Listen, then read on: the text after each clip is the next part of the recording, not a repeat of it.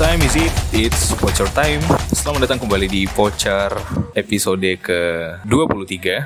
Masih setia bareng gua Joshua di sini dan partner kita. Tama in here Mungkin yang masih mencari-cari satu lagi di mana, ya bisa dengar apa?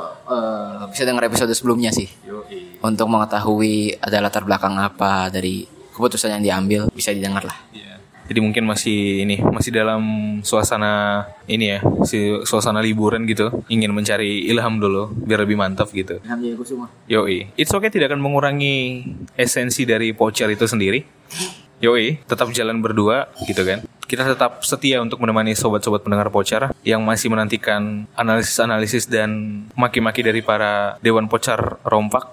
Oke, jadi hari ini kita akan bahas tentang hal yang sebenarnya udah lama kita pikirin sih. Tapi masih mungkin mencari formula yang tepat untuk konsepnya gimana ya. Biar mungkin seru gitu. Tapi mungkin yang paling simpel sih kita berangkat tentang fenomena yang terjadi juga sih. Nggak jauh-jauh dari fenomena sosial yang lagi marak kita bahas sih. Tentang generasi muda. Gue mungkin nggak tahu ya ruang yang harus kita persempit gitu generasi muda yang kita maksud gimana. Tapi yang gue tangkap mungkin ya generasi-generasi yang mengalami kesulitan lah. Dari segi ya bilanglah finansial atau karir seperti apa. Yang dalam artian ya mungkin kalau gue lihat sih lebih kepada kesulitan generasi muda untuk bisa upgrading dari dirinya sendiri. Mungkin yang paling simpel tentang masalah kesulitan-kesulitan generasi muda untuk beli rumah. Nah, ini paling paling ini gak sih Tam? Kalau menurut lo paling yang seru banget untuk kita bahas. Kalau menurut lo gimana sih Tam? Menurut gue sih rumah itu termasuk ke dalam kebutuhan primer kan. Jadi kebutuhan primer manusia. Kalau yang dari gue tahu, kebutuhan primer manusia ya makan, pakaian, dan juga tempat tinggal, rumah. Entah itu rumahnya ngontrak atau misalkan eh, lo mau punya uang lebih untuk membelinya atau menyi- mencicilnya lah. Tapi kan eh, situasi yang berkembang sekarang kan kayaknya harga-harga rumah eh, makin tidak masuk akal. Apalagi khususnya kalau lo berada di kota besar kayak di Jakarta gitu kan kayak lo mau tinggal di tengah kota Jakarta kok kayak makin nggak mungkin kayak lo akhirnya harus melipir melipir makin jauh makin jauh sampai ke daerah-daerah ke pinggiran lah satelit Ah, pada akhirnya ke Tangerang Depok Bogor. Ya gue termasuk yang dan gue dan teman-teman gue juga termasuk orang-orang yang mengalami hal ini sih sebenarnya. Kayak kita masih eh, berusaha untuk mencari mencoba mencari kira-kira rumah-rumah yang setidaknya masih bisa untuk dicicil atau dibeli kan gitu Iya, iya. kayak nah itu susah banget sebenarnya Dan sebenarnya eh, topik yang kita bahas kali ini juga sebenarnya kan udah udah sering kita bahas ya. Off recordnya kita udah sering kita bahas selama masalah ini. Kayak gimana sih lu tuh kayak benar-benar kesel lah dengan fenomena kayak yang lu bilang ini boomers boomers nih pengen gue bahas kali ya di sini ya kesel gue ya kayak lu bilang tadi ya maksudnya gue juga ngerasa sih maksudnya kayak eh, buat orang-orang yang mungkin baru di Jakarta ataupun udah lama di Jakarta kayaknya emang salah satu problematika yang paling paling gimana ya paling kerasa banget tuh tentang masalah kesulitan buat beli rumah sih ya. Iya buat hunian mereka gitu beserta keluarga gitu. Dan hal ini sebenarnya diperparah dengan kondisi bahwa kalau kita lihat-lihat di seputaran jalan-jalan besar dan ternama di Jakarta ternyata banyak banget sebenarnya rumah-rumah yang gede dan menurut gue tuh nggak ada penghuninya gitu ya. iya Jadi kayak semacam yoi, semacam aset yang udah dibeli aja tapi ternyata nggak dipakai. Padahal kalau kita mungkin melipir gitu ke pinggiran-pinggiran Jakarta, lu bakal nemuin orang-orang yang bahkan rumah-rumahnya itu udah lah yang sempit banget, lahannya nggak luas-luas banget. Bahkan yang lebih parah ada yang memaksakan diri gitu loh untuk tinggal di lingkungan yang sebenarnya tidak layak gitu untuk dihuni. Nah ini juga sebenarnya menurut gue satu hal yang ya bisa dibilang tragis sih sebenarnya sih kalau ngelihat fenomena ini. Jadi kayak segini banget ya susahnya jadi orang tak punya gitu. Jadi hal ini sebenarnya yang paling ngeselin buat buat gue sih sebenarnya. sih. Apalagi ya itu kayak gue bilang tadi ya ketika emang kondisinya lagi sulit-sulit banget, ternyata ya Jakarta semakin berkembang dan tidak menyisakan ruang gitu loh iya untuk mungkin pemerintah membuild up berbagai macam solusi gitu entah membuat rumah yang lebih layak huni di beberapa wilayah. Karena emang ekspansi dari orang-orang yang mungkin dalam tanda kutip punya duit udah punya rumah ya itu emang udah nggak menyisakan ruang banyak gitu loh.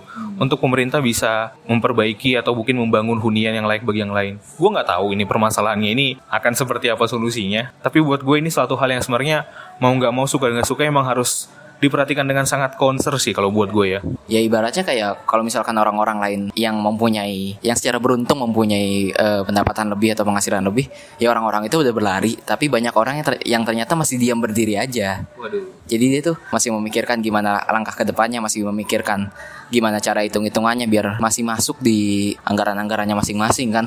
Ya namanya hidup pasti ada. Lo nggak bisa naruh semuanya buat bayar cicilan gitu nggak mungkin kan? Lo, lo juga butuh untuk hidup juga gitu kan ya tricky lah kalau soal rumah ini. Karena sebenarnya eh, banyak orang-orang yang eh, sorry to say mungkin orang-orang yang berlebih orang-orang yang bisa dibilang udah sudah mapan dari sejak dahulu kala kan mempunyai properti-properti yang yang pada akhirnya eh, kalau nggak disewakan atau bahkan ada yang nggak ditempatin sama sekali. Iya. itu kayak kalau buat gue kayak sayang aja gitu. Sementara banyak orang yang masih struggle sementara dia mempunyai properti-properti yang berlebih gitu walaupun ya gue tahu properti kan adalah sebuah investasi yang sangat baik. Kalau gue punya duit juga gue pasti investasi properti. Sayangnya gue nggak ada. Iya, iya. ya gitu sih sebenarnya.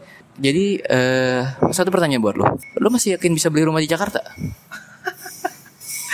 Sebenarnya pertanyaan ini pertanyaan yang paling fucked up sih kalau buat gue ya. Dan terlepas dari sebenarnya who's who's yang kontrol gitu loh. Segala sesuatu ini sampai akhirnya terjadi kondisi seperti ini. Itu kan jadi pertanyaan sebenarnya besar buat gue gitu loh. Sebenarnya sih yang ngontrol ini sampai situasi ini terjadi kayak gini?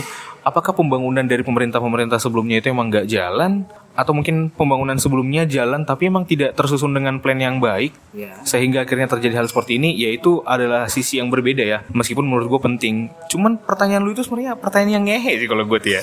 Gimana ya? Sebenarnya untuk jujur-jujuran aja gue yakin sebenarnya untuk orang-orang yang mungkin punya profesi dengan penghasilan tetap yang mungkin bilang lah di atas UMR mungkin masih punya ya secuil potensi lah gitu loh untuk bisa punya hunian di Jakarta tapi faktanya, Jakarta nggak cuma bicara masalah orang yang punya penghasilan di atas UMR.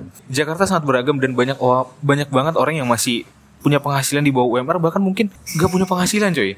Ibaratnya datang ke Jakarta ini ya emang ya udah mencoba perjudian besar aja. Gue bakal jadi apa di sini gitu loh. Dan itu sebenarnya kaum kaum atau mungkin orang-orang yang menurut gue itu sangat sangat gimana ya prihatin banget lah. Gimana ntar kondisi mereka dengan perkembangan Jakarta yang akan semakin pesat gitu. Mungkin pertanyaan lu tadi ya gue jawab dengan orang yang mungkin punya penghasilan di atas UMR, mungkin masih bisa berpotensi. Tapi buat mereka yang mungkin di bawah itu ya gue harus bilang jujur bahwa sangat kecil lah peluang buat itu. Kecuali mungkin ya mereka punya jalan yang akan berbeda. Entah mereka bisa memperbaiki hidup ataupun punya kemampuan melek finansial yang lebih baik. Dan bahkan ya disclaimer aja nih buat orang yang mungkin punya penghasilan di atas UMR aja belum tentu anjir bisa punya itu dalam waktu cepat ya. Kayak ibaratnya lu tahu dengan model-modelan KPR yang 10 tahun, 20 tahun, 30 tahun bahkan yang sekarang menurut gua gila anjir sampai lu sampai lu udah pensiun bangkotan aja lu lu baru bisa bisa melunasi itu semua ya sedikit kasihan sih kalau menurut gue sih. Dan ini jadi satu hal yang menggelitik sih buat gue ya. Ke depannya bakal seperti apa hal-hal kayak gini. Kalau dari gue sebenarnya gue agak eh gue bukan agak sih. Gue appreciate eh, langkah dari entah ini langkah dari pemprov atau dari pemerintah pusat gue nggak tahu lah ya untuk membuat eh, rumah-rumah susun. Rumah-rumah susun kayak misalkan ya kalau di Jakarta Timur kayak rumah susun ada di Jatinegara, terus ada di Cipinang Besar. Itu rumah-rumah susun yang emang ditujukan untuk eh, orang-orang yang ada di sekitar pinggir-pinggiran kali lah gitu direlokasi dengan ke tempat yang lebih baik lah kalau menurut gue nggak tahu kalau menurut mereka kan Ya gitu gitu bos. Ya menurut gue itu sebuah langkah yang cukup baik sih karena kesediaan lahan di Jakarta juga udah mulai makin menipis ya. Mau nggak mau pasti kita akan ngebangun makin ke atas. Dengan tanah yang semakin menipis ya lo nggak punya pilihan lain selain ke atas. Ke atas ke atas ke atas ke atas terus. Ya kalau lo lihat nanti mungkin 10 tahun 10 atau mungkin lima tahun lagi kali orang cuma punya tanah sekitar eh, 50 meter kali. Tapi ke atasnya bisa sampai 4 lantai. Itu bukan sebuah hal yang mustahil kalau buat gue karena emang tanahnya segitu tapi lo harus beradaptasi dengan tanah segitu ya lo pasti naik ke atas terus kan. Yang jelas menurut gue sih ini sebuah hal yang harus dilanjutin sama pemerintah sebenarnya. Kayak lo harus membangun hunian-hunian untuk rakyat kayak ya pokoknya rumah susun rumah susun ini sebenarnya grand plan-nya ini bagus banget kalau buat gue di di rumah susun itu se- sepengetahuan gue ada eh, RPTRA ada ruang terbuka hijau ada ruang untuk perpustakaan ada ruang untuk orang-orang bisa berjualan di situ juga. Jadi sebenarnya kalau dibilang eh, rezeki orang itu ditutup dari rumah-rumah yang telah dipindahkan ya sebenarnya di tempat yang baru ini juga dikasih kesempatan tapi ya gue nggak tahu lah situasi situasi real itu kayak gimana kan. Kalau gue gue sih gitu Jos Gua gua setuju sih sama yang lu sampein dan kalau buat gua malah sebenarnya hal itu tuh ya menjadi sebuah solusi yang menurut gua paling paling bisa kita pakai lah untuk posisi sekarang. Kayak gua bilang sama lu dan lu juga sepakat keterbatasan lahan di Jakarta. Selamanya kita akan menyalahkan berbagai macam pihak, berbagai macam pemimpin daerah ataupun pemimpin pusat. Kalau kita emang selalu berkutat dengan kan lahannya udah makin ban, udah makin sedikit, udah nggak ada ruas lagi. Solusinya gimana? Tapi ya kita nggak menawarkan solusi yang menurut gua ya bisa menangani permasalahan ini. Oke, gua paham semua orang pengen punya rumah yang benar-benar rumah berdiri, ada taman, ada kolam atau ada lingkungan sekitar yang gak harus melulu rumah susun dan Yes, whatever your argue, whatever your ya opinion lah atau keinginan lu. Tapi ya lu harus sadari bro, bahwa kondisi yang terjadi ini adalah kondisi yang kita udah nggak bisa track back ke belakang lagi. Lu nggak mungkin dong berharap bahwa kota ini akan dilulantahkan kita rombak lagi dari awal. Ini kan suatu solusi yang menurut gue udah udah surrealis banget ya. Jadi emang langkah terbaik adalah ya udah menerima kondisi yang ada ini dan lu coba perbaiki dengan sedemikian rupa aja. Dan gue percaya sih, maksudnya dengan dengan kemampuan pemerintah sebagai gak cuman sebagai pelayan tapi juga sebagai seorang regulator ya yang emang nyiapin regulasi. Menurut gue tentang pembatasan orang-orang yang memiliki rumah mungkin bilang aja lebih dari dua atau lebih dari tiga itu sebenarnya mulai harus dilacak sih sebenarnya sih. Jadi kayak lu membatasin lah gitu loh. Kondisi Jakarta udah sekrowded ini dan lu membiarkan orang-orang hanya punya rumah tapi nggak kepake itu ya kayaknya pemerintah tuh udah harus mulai nyiapin regulasi ke arah sana deh. Untuk ibaratnya mengatur itu dan mem- ya sedikit banyak ini akan memberikan nafas lah gitu loh. Yes, buat orang-orang lebih punya kesempatan lah buat punya hunian gitu. Dan ya nggak jauh-jauh lah ya. Kita juga bakal membahas ini dari perspektif kita tentang sepak bola juga. Kalau menurut lo Tam, fenomena ini susahnya jadi orang yang tak punya ini sebenarnya terjadi nggak di dunia sepak bola Tam? Khususnya mungkin ya mungkin bilang lah klub mungkin ya yang bisa kita ibaratkan sebagai sebuah ya manusia lah gitu loh yang mengalami kondisi ini gitu. Kalau dari perspektif sepak bola sih untuk susahnya jadi orang yang gak punya gitu. ya. Iya, pasti kita bakalan nyebutin ke klub-klub yang sebenarnya. Kalau buat gua pribadi mungkin klub-klub yang punya potensi, tapi mereka terbentur dengan eh, keadaan dari finansial mereka sendiri. Ya, contohnya kayak klub-klub papan tengah, klub-klub yang terkadang mempu- eh, bikin kejutan gitu sampai masuk ke zona-zona Eropa, tapi di musim berikutnya malah ngedrop lagi karena mereka nggak sanggup untuk menahan bintang-bintang mereka tetap di klub itu. Karena itu itu buat gue jadi masalah paling utama dari klub-klub yang semenjana lah hitungannya, mediocre. Karena mereka tidak bisa menahan bintang-bintang mereka untuk lebih lama di klub tersebut, jadi akhirnya bintang-bintang tersebut pindah ke klub yang lebih besar. Kalau gue bisa ngasih contoh sih, menurut gue Southampton itu masuk sih. Jadi Southampton nih eh, sedikit latar belakang mungkin ya. Southampton nih eh, sempat di declare bang bangkrut gitu ya, bangkrut di tahun 2009 kalau nggak salah gue lupa. Nah setelah itu mulai di rebuild, rebuild, rebuild sampai akhirnya mereka bisa masuk ke Premier League lagi kan. Premier League terus mengejutkan semua orang dengan pemain seperti Adam Lallana, Ricky Lambert, Morgan Schneiderlin, Luke Shaw dan lalala semuanya kan gitu. Pada akhirnya satu persatu dari mereka itu malah dicomotin oleh klub-klub lain karena mereka tuh ya mau gimana namanya klub papan tengah gitu kan klub papan tengah atau klub sampai papan bawah gitu lah ya ya jadi yang mereka bisa lakukan hanya duit transfernya itu kayak semacam didaur ulang gitu loh jadi eh misal simpelnya gali lubang tutup lubang lah jadinya ya. jadi kayak misalkan dapat duit dari transfer misalkan dari Luke Shaw atau dari siapa terus beli pemain lain. Nah, masalahnya kan kalau lu mau jadi klub yang sukses, seenggaknya half of your squad itu harus tetap main bareng lah seenggaknya. Betul. Karena di situ bisa dapat chemistry-nya, di situ bisa dapat eh, pengetahuan satu sama lain, di situ bisa dapat pengetahuan taktik dari pelatih pelatih yang sama juga kan. Nah makanya kalau sulitnya jadi klub-klub seperti ini karena pemainnya terlalu cepat datang dan pergi jadi pada akhirnya emang ya kalau misalkan di Southampton sempat masuk ke Europa League juga sempat di peringkat 6 tapi habis itu sempat ngedrop lagi sempat bahkan tahun lalu hampir degradasi. Karena walaupun pemain-pemainnya nggak bisa gue bilang tuh pemain-pemain yang jelek gitu. Menurut gue untuk ukuran Premier League Southampton masih termasuk yang cukup oke lah bisa di peringkat 10 atau ke atas mungkin lah kalau buat lu sendiri contoh klub-klub apa Jos? Gue mungkin akan menyoroti uh, fenomena Real Sociedad di musim kemarin sih ya.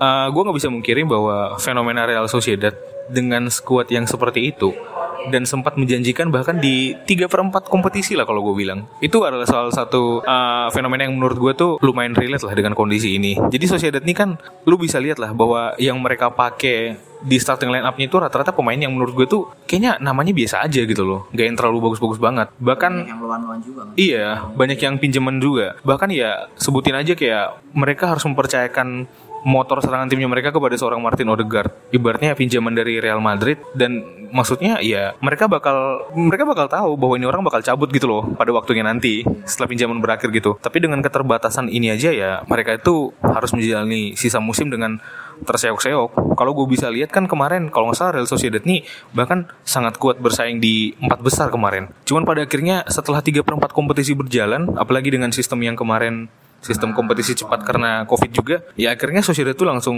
melempem sering banget kalah, buang poin draw dan segala macam akhirnya ya bertengger di posisi ke-6. Padahal sebenarnya mereka potensial banget untuk bisa lolos ke zona Liga Champions gitu. Dan hal ini juga menurut gue menarik karena sebenarnya yang gue lihat tuh Sociedad ini tim yang bahkan kalau diurutin dari tim-tim papan atasnya La Liga, Sociedad ini bahkan hanya berada di peringkat 9 dari segi mempergunakan duit dalam transfer gitu loh.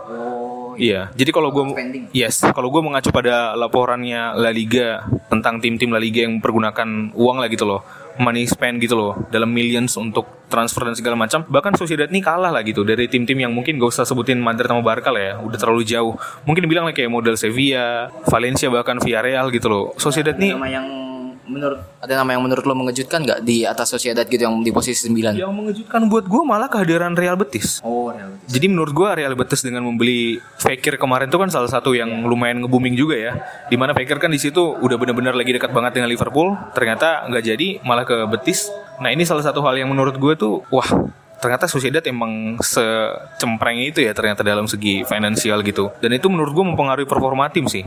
Gue nggak bisa bayangin kalau Sociedad itu punya pemain-pemain yang mungkin lebih kuat ya. Ada sistem pemain yang bisa dirotasi lah gitu loh. Untuk menjalani sisa kompetisi mungkin kayaknya mereka masih bisa struggle lah untuk bisa bertahan di empat besar di musim ini dengan performa yang menjanjikan itu ya. Dari awal sampai 3 per 4 yang saya ingat gue Alexander Isak itu minjem apa udah resmi? Isak tuh dia minjem apa beli ya kayaknya masih minjem deh gue yakin apalagi itu dari Gue lupa sih. iya Karena Dortmund Iya. sekarang udah ada Erling Haaland juga kan.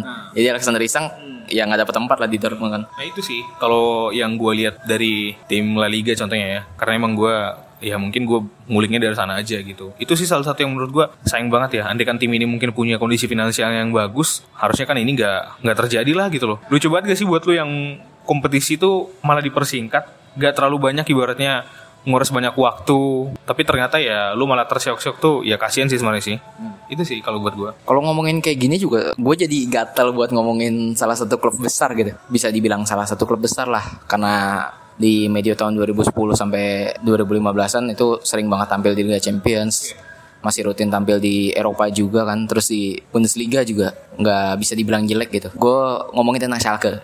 Schalke ini tahun ini kondisi keuangannya parah. Dia harus menjual pemain bintangnya untuk bisa tetap beroperasional gitu Iya. sampai gue lupa tadi sempat baca-baca sedikit kalau nggak salah dia sampai minjem 40 juta euro ke pemerintah kotanya Wow, 40 juta euro. Iya. Ya, bahkan kalau dipikir-pikir 40 juta euro itu mah buat klub-klub besar mah paling beli back cadangan gitu ya, gelandang cadangan gitu. Parah banget sih ya. jadi sampai ke biaya operasionalnya juga udah nggak nutup sampai separah itu ya eh, krisis yang didera oleh Schalke ini karena eh, pandemi juga terus mungkin ada krisis-krisis keuangan lainnya juga. Dan Schalke kebetulan pemain bintangnya itu cuma sedikit. Parah sih ya. Jadi kalau lu pengen eh, generate money from your star player gitu, itu juga dapetnya nggak terlalu banyak sebenarnya kan. Kayak yang paling baru, kalau lu ingat si Weston McKennie, Oh iya. Weston McKennie, Di loan dari Schalke ke Juventus ya. nah itu aneh. Kenapa dia di loan? Di loan cuma bayar 3 juta. Benar-benar. Dengan kalau nggak salah klausul pembeliannya 18 juta kalau dia main lebih dari 60 60 persen. Iya. Tapi kenapa harus di loan? Padahal Schalke ini butuh cash keras ibaratnya kan. Iya, iya. Nah, nah terus dua pemain lagi yang santer kabarnya untuk di Lego Schalke itu ada Ozan Kabak itu backnya. Hmm. Terus sama satu lagi Suat Serdar. Suat Serdar ini menurut gue bagus banget, bagus. Gue suka lah gaya pemainnya Suat Serdar. Tapi sampai sekarang belum ada kabar-kabar eh, klub-klub yang mau deketin Suat Serdar. Gue nggak tahu kenapa sih. Mungkin belum kelihatan di radarnya masing-masing sih. Dan sebenarnya banyak klub-klub yang dulu tuh sebenarnya kayak lu lihat oke gitu. Terus tahu-tahu eh, berujung ke kesulitan finansial. Gue bisa sebutin kayak Portsmouth, terus ke Portsmouth yang sekarang diambil alih oleh fans, sampai diambil oleh alih oleh fans sekarang. Jadi udah nggak pakai investor lagi kalau nggak salah gue lupa lah. Terus ada lagi yang paling baru itu Wigan Athletic. Wigan Athletic lagi bikin penggalangan dana kalau nggak salah. Aduh, Wigan tuh udah gimana sih kabarnya Tam? Gue sumpah deh, gue kalau ingat Wigan ini kan, lu selalu ingat gak sih kayak aksi-aksi mereka di FA Cup biasanya yang suka unik. Cuman gue nggak tahu deh, itu posisi Wigan tuh udah di udah di belahan dunia mana sih sekarang anjir?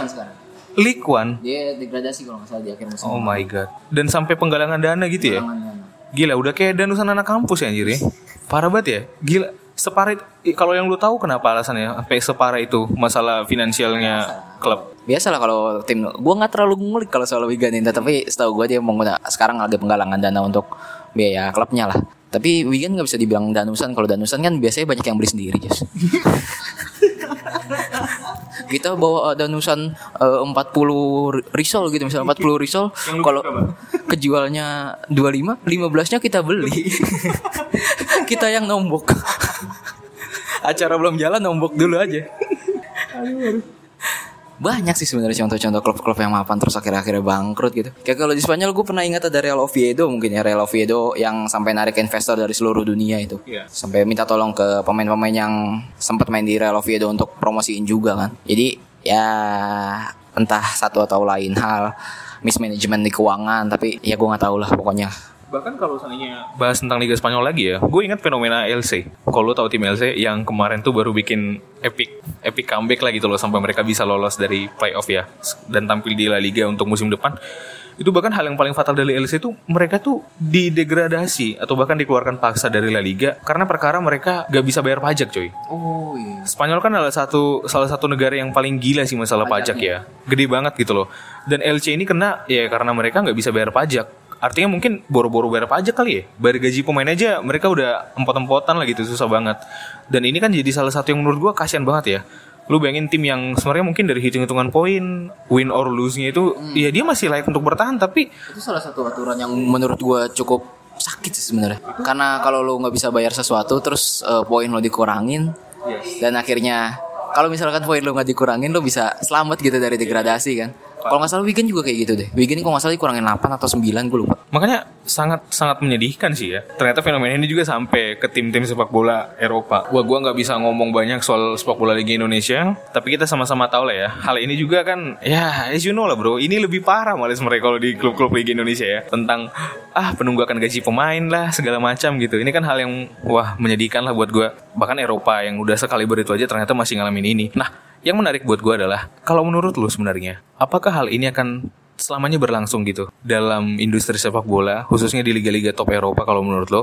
Atau sebenarnya kayaknya gimana ya fenomena ini sebenarnya kita masih punya solusi deh untuk nanganin ini. Lu masih ada semacam potensi loh untuk memperbaiki keadaan ini. Kalau menurut lu gimana coy? Ah susah pertanyaannya nih.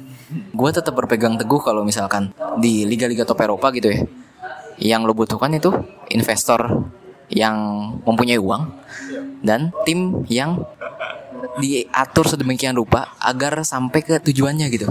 highlightnya langsung masalah investor ya tam udah nggak jauh-jauh dari situ ya duit investor selesai nggak usah banyak bacot udah itu doang ya We're living in the capitalist world, bro. Kita nggak bisa menyangkal itulah. Makanya kenapa eh, tim-tim yang kaya terlihat semakin kaya sementara tim-tim yang semakin ngepres ya terpaksa harus ngepres budgetnya juga kan. Ya kayak gitu terus lah sebenarnya. Itu it's cycle, bro. Dan menurut gue sebenarnya fenomena ini emang gak jauh-jauh dari masalah investor. Gue harus akuin bahwa ketika kita menganggap bahwa fenomena datangnya investor-investor Arab dalam uh, klub-klub sepak bola tertentu dan akhirnya mendomplang penampilan mereka ibaratnya dalam satu malam aja, suka nggak suka, ini adalah sebuah fenomena yang harus kita terima sebenarnya. Ya, sepak bola, segimanapun industrinya berkembang dan sangat laris buat orang-orang yang mungkin suka mau olahraga ini, lo nggak bisa mungkirin bahwa pengaruh dari uang itu akan menentukan. Nah, cuman gimana kalau kita coba bikin permainan ini lebih lebih asik? Gimana caranya untuk lo bisa menjadi sebuah klub yang emang dilirik dari investor? Itu sih poin yang menurut gue tuh penting. Ketika lo bicara masalah investor akan datang dengan uang yang berlimpah, terus mengubah klub lo, Iya. berarti poin penting buat lo apa? Ya lo harus prepare klub lo dong Benar. Pemilihan PSG dan Manchester City yang akhirnya dilirik sama investor, menurut gue itu belum tentu karena karena Aji mumpung doang, enggak. Pasti ini klub emang emang punya sesuatu gitu yang mungkin bisa yes itu menurut gue yang penting. Sama kayak mungkin fenomena Atletico Madrid yang sekarang didatangi investor dari Tiongkok menurut gue itu kan salah satu yang menjanjikan lu bisa lihat gimana Diego Simeone dan timnya itu benar-benar kelihatan sangat gila lah gitu loh. Di beberapa musim terakhir sampai akhirnya mereka dilirik gitu. Dan mungkin yang gak usah jauh-jauh deh. Menurut gue salah satu yang penting itu cara kita untuk membranding squad kita dengan label yang unik sih. Mungkin lu bisa ngelihat dari segi akademi lu yang bagus tim muda lu yang sangat berkembang yang otomatis kayak yang lu bilang ini akan menghidupkan gitu loh. Tim lu bahwa oh iya tim ini ke branding nih dengan punya akademi dan pemain muda yang yang bagus. Wah potensial nih klub nih. Boleh lah kayaknya kita coba invest di sini kan kurang lebih kayak gitu. Dan mungkin hal ini bukan suatu hal yang baru ya. Gue bahkan ngelihat fenomena ini udah lama dipakai sama tim yang mungkin sekelas Dortmund lah. Lu bisa lihat bahwa Dortmund tuh kayaknya nggak terlalu banyak pembelian yang jor-joran deh dulu. Iya. tapi ternyata dari segi akademinya itu berkembang sangat bagus. Iya. dan mungkin menurut gue sekarang Dortmund udah nggak bisa dikategorikan jadi tim yang mungkin punya kemampuan finansial yang biasa aja ya Maksudnya brandnya mereka juga udah lama banget terikat dengan apparelnya Puma dan yang lain. Ya ini semua kan berakar karena mereka terkenal dengan label tim yang suka mengorbitkan pemain muda yang bagus kan. Jadi akhirnya menurut gue ini salah satu hal yang setali tiga uang lah gitu dengan fenomena investor yang datang. Nah menurut gue ini salah satu solusi sih yang bisa diambil oleh klub-klub untuk bisa lah gitu loh. Kalau lu pengen dapat investor ya lu ngejual apa gitu loh. Lu harus punya sesuatu hal signature lah gitu loh yang bisa lu jual gitu loh ke investor. How about you bro? Kalau buat gue satu Oh iya, untuk eh, Dortmund tadi, case untuk Dortmund tadi, sebenarnya untuk investor masuk ke Jerman itu kan agak susah karena ada regulasinya juga kan.